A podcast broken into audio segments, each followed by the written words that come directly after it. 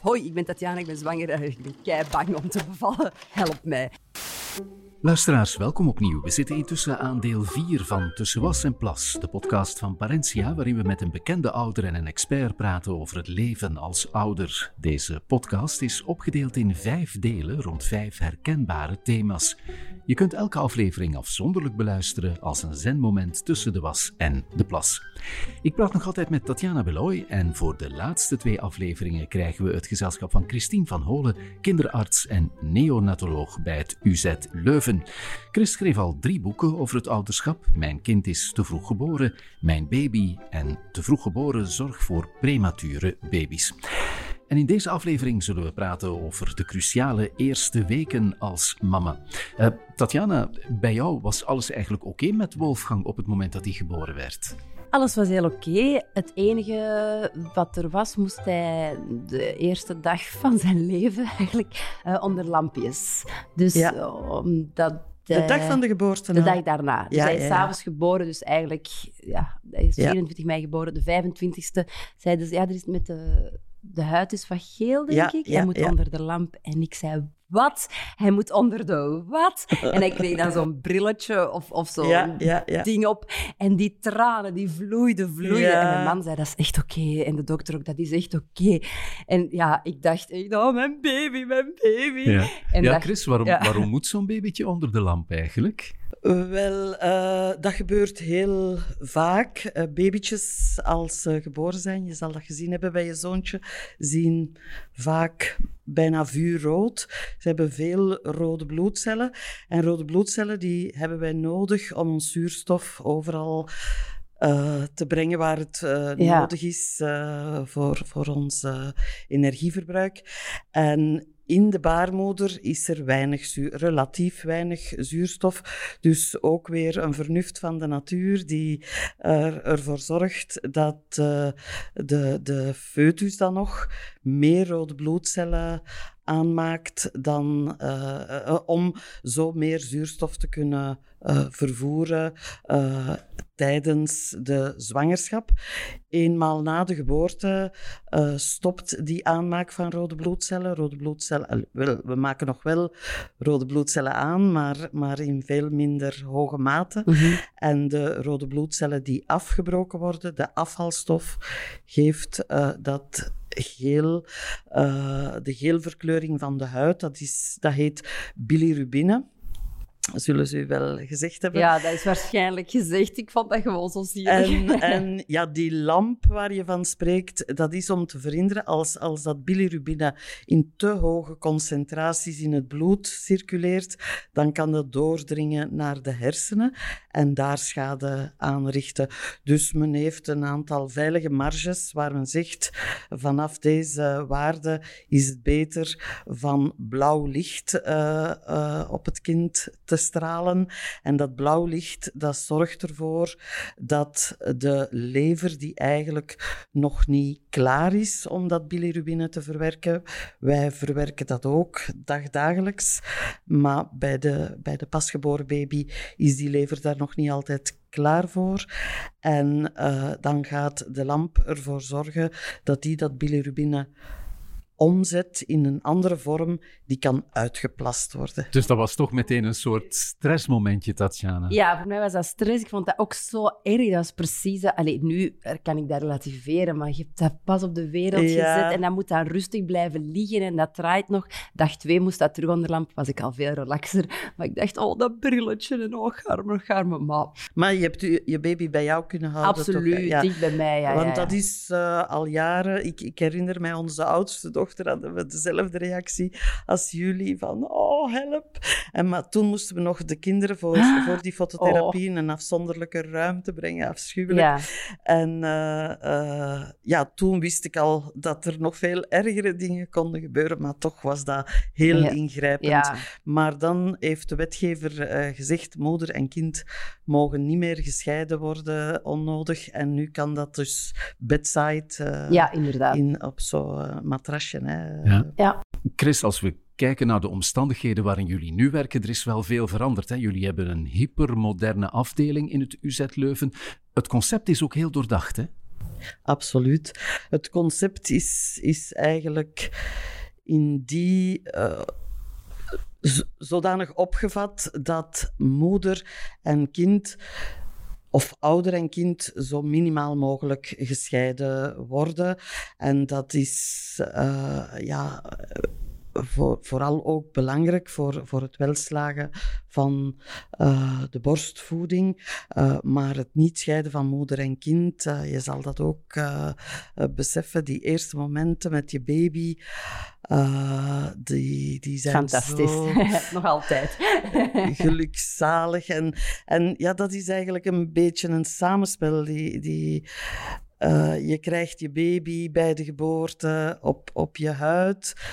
Het gelukshormoon wordt afgescheiden. Dat gelukshormoon heeft jullie beiden een heel behagelijk uh, gevoel. Dat schept een band, maar tegelijk zorgt dat ervoor dat die uh, toeschietreflex van de moedermelk er komt. En, en ja, op heel natuurlijke, spontane wijze komt dat allemaal op gang.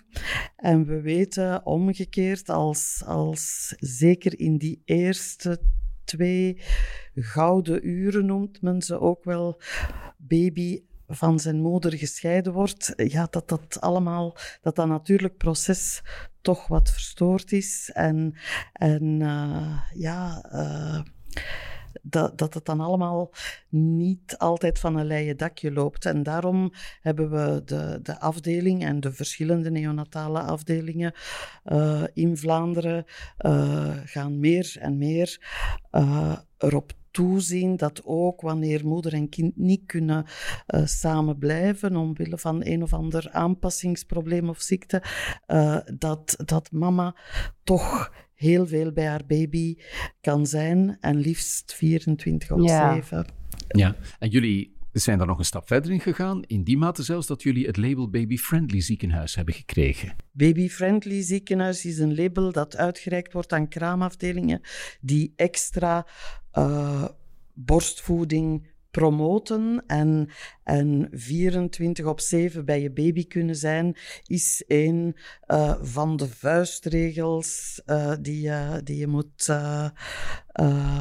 is dat geen vuistregel dat elk ziekenhuis zou moeten hebben als je bevalt? Dat de moeder bij het kind mag maar blijven? Maar dat is jammer genoeg niet zo. Oh, maar dat wist ik niet.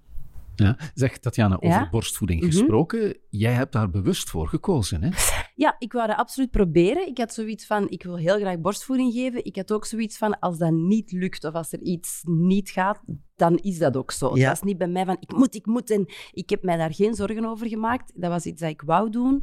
En die komt uit mij en die wordt geboren. En als een diertje ging die echt naar mijn borst. Die hè? Dat deed zo pijn in het begin. En dat wist ik wel dat mensen dat zeiden, want toen echt pijn. En mensen zeiden, ja, je moet volhouden, want dat wordt beter en dat wordt echt beter. Ja, nu, ja, vloept die aan en is dat up, up, up, up. Maar in het begin deed dat wel echt. En ik voelde ook ja, van alles gebeuren als, ja. Uh, ja als ik aan het borstvoeden was. Maar uh, ja, ik vind dat fantastisch nu. En zo handig. Ja. Ik denk soms, hoe doen mensen dat met flesjes en opwarmen? En, en dat, moet, ja, dat, Absoluut. Dat, dat, moet wel iets zijn. Terwijl nu, hup, trui mogen en aanleggen en klaar. ja, ja, ja, ja. Het is... Uh, een heel stuk makkelijker dan, dan uh, kunstvoeding. Ja. Maar, maar het vraagt wel, allee, we hebben dat ook gemerkt in ons ziekenhuis, uh, dat uh, het streven naar dat label en ja, alle inspanningen die we daarvoor gedaan hebben, dat dat ons veel bijgeleerd heeft over borstvoeding en welke ondersteuning dat mama's nodig hebben om tot een succesvolle borstvoeding mm -hmm. te komen. En nu zien we dat zelfs op onze afdeling voor vroeggeborenen daar 80% van de moeders erin slagen om met hun baby borstvoedend naar huis te gaan. Maar ja, dat vraagt wat mm -hmm ja, inspanningen. Uh, en, en, ja, ik heb het in, in vorige podcast al gezegd, van het, de vroedvrouw heeft mij zo goed geholpen, want het, het is wel iets of zo. Ik snap dat mensen opgeven of dat het de pijn doet. Of ik heb nu een vriendin die gaat bevallen voor een tweede, allez, van een tweede en die zei ook van, ik geef les omdat ik, ja, het kost tijd. Ik kan me voorstellen als er nog een kleine rondloopt en je bent aan het mhm. voeden of de papa kan niks doen. Ik, ik, ja, het, het zuigt wel energie, hè? Het zuigt energie, maar... maar het schept toch een... Ja, het is fantastisch. een band die je op geen enkele andere manier kunt nabootsen, denk ja, ik. ik vind het ik, ik, geniet ervan, nog steeds natuurlijk. En uh, uh, los daarvan, die band is heel belangrijk, maar, maar meer en meer verschijnen er toch onderzoeksresultaten van, van de hele vele voordelen, van, van moedermelk. ik zei dat dat baby-friendly label eerst in de ontwikkelingslanden mhm. was, maar men ziet nu dat ook in de, in de westerse wereld uh, ja, vooral voordelen naar infectie bij vroeggeboren baby's heeft het veel extra voordelen. Uh, ja, alle dagen bij wijze van spreken verschijnt er wel een paper waarin dat staat hoe goed dat het is. Ja. Uh, ik, ik, denk wel dat we moeten benadrukken dat er zijn vrouwen waarbij het niet lukt en die voelen zich heel slecht. Dat kunstvoeding dat dat niet slecht is natuurlijk. Want ik voel is... wel dan heel gevoelig. Ja. ja.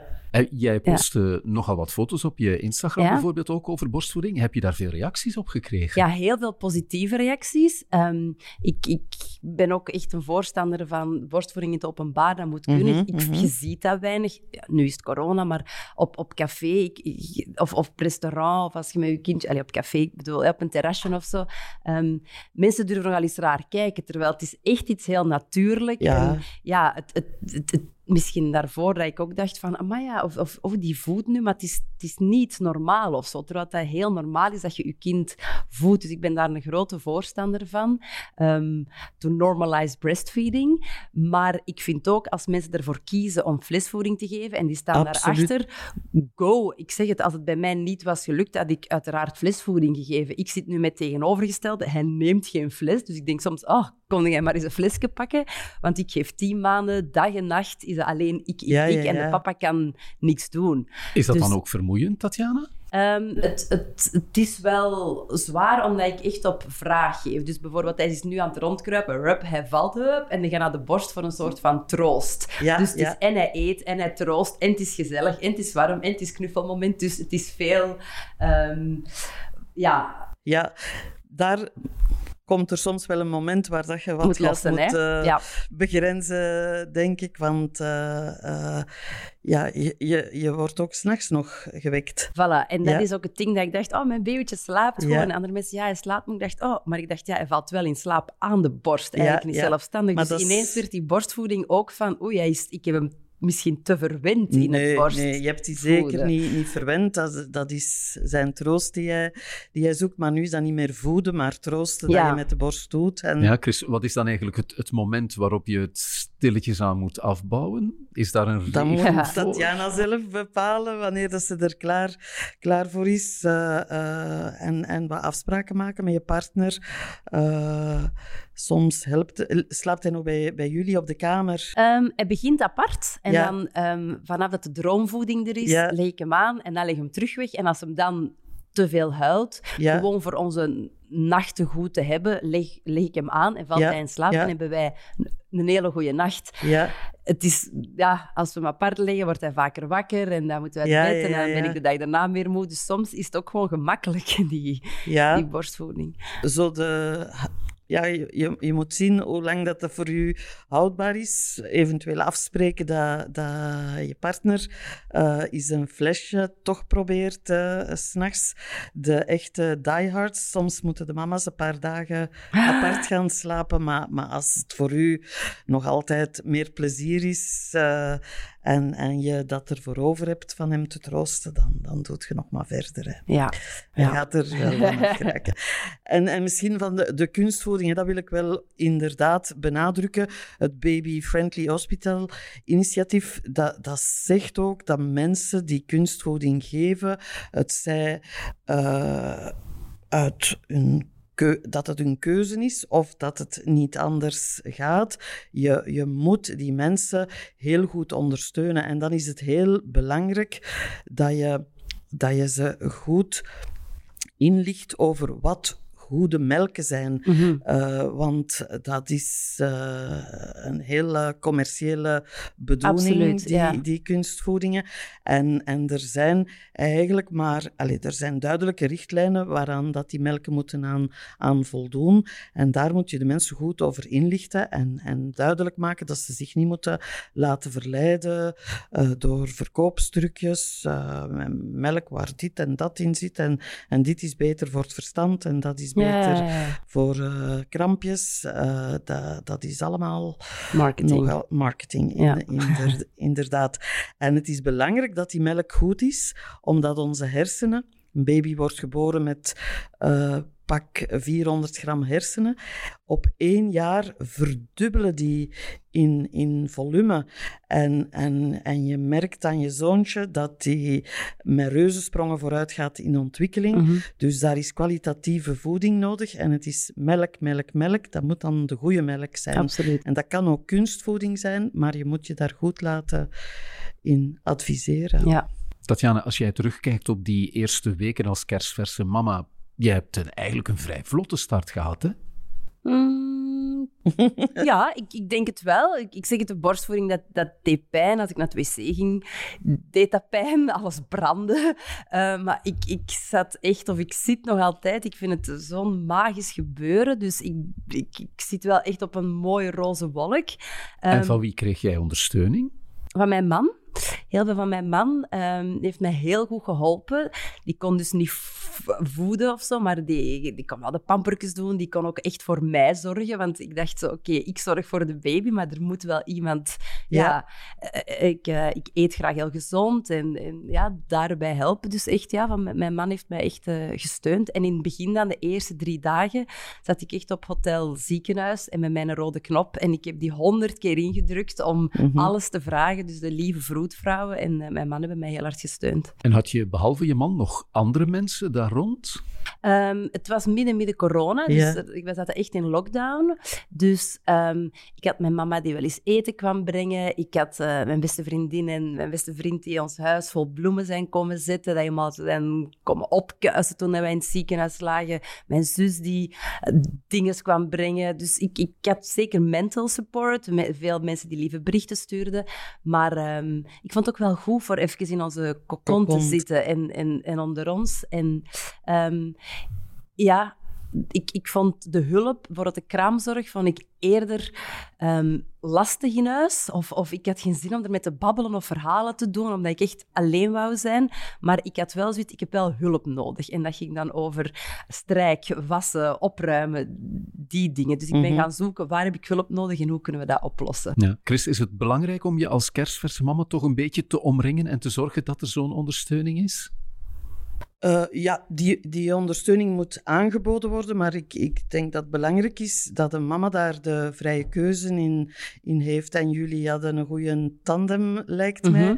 Dat is niet bij, bij alle koppels zo. Uh, heel vaak als een moeder echt in moedermodus uh, gaat en een beetje in, in symbiose met haar, mhm. haar baby. Sommige vaders voelen zich wat, wat buitengesloten en, en gaan niet zoals uw man reageren reageren en, en, en u extra ondersteunen. Uh, maar ja, hulp van een vroedvrouw, hulp van kraamzorg is, is uh, echt wel belangrijk dat, dat het aanbod er is. Mm -hmm. Maar je moet daar vrije keuze uh, in hebben, vind ik persoonlijk. Ja. Chris en Tatjana, bedankt voor jullie eerlijkheid en deze open babbel. Ik vermeld graag nog even dat Tussen Was en Plas mogelijk wordt gemaakt door kinderbijslagfonds Parentia. Bij hen kan je terecht voor een stipte uitbetaling van je startbedrag of kraamgeld en je groeipakket of kinderbijslag. Daarnaast helpen ze je graag met al je vragen over gezinsadministratie. Ga zeker even kijken op de website parentia.be. Bedankt voor het luisteren en tot in het volgende deel. Parentia. Vanaf het begin bij elk gezin.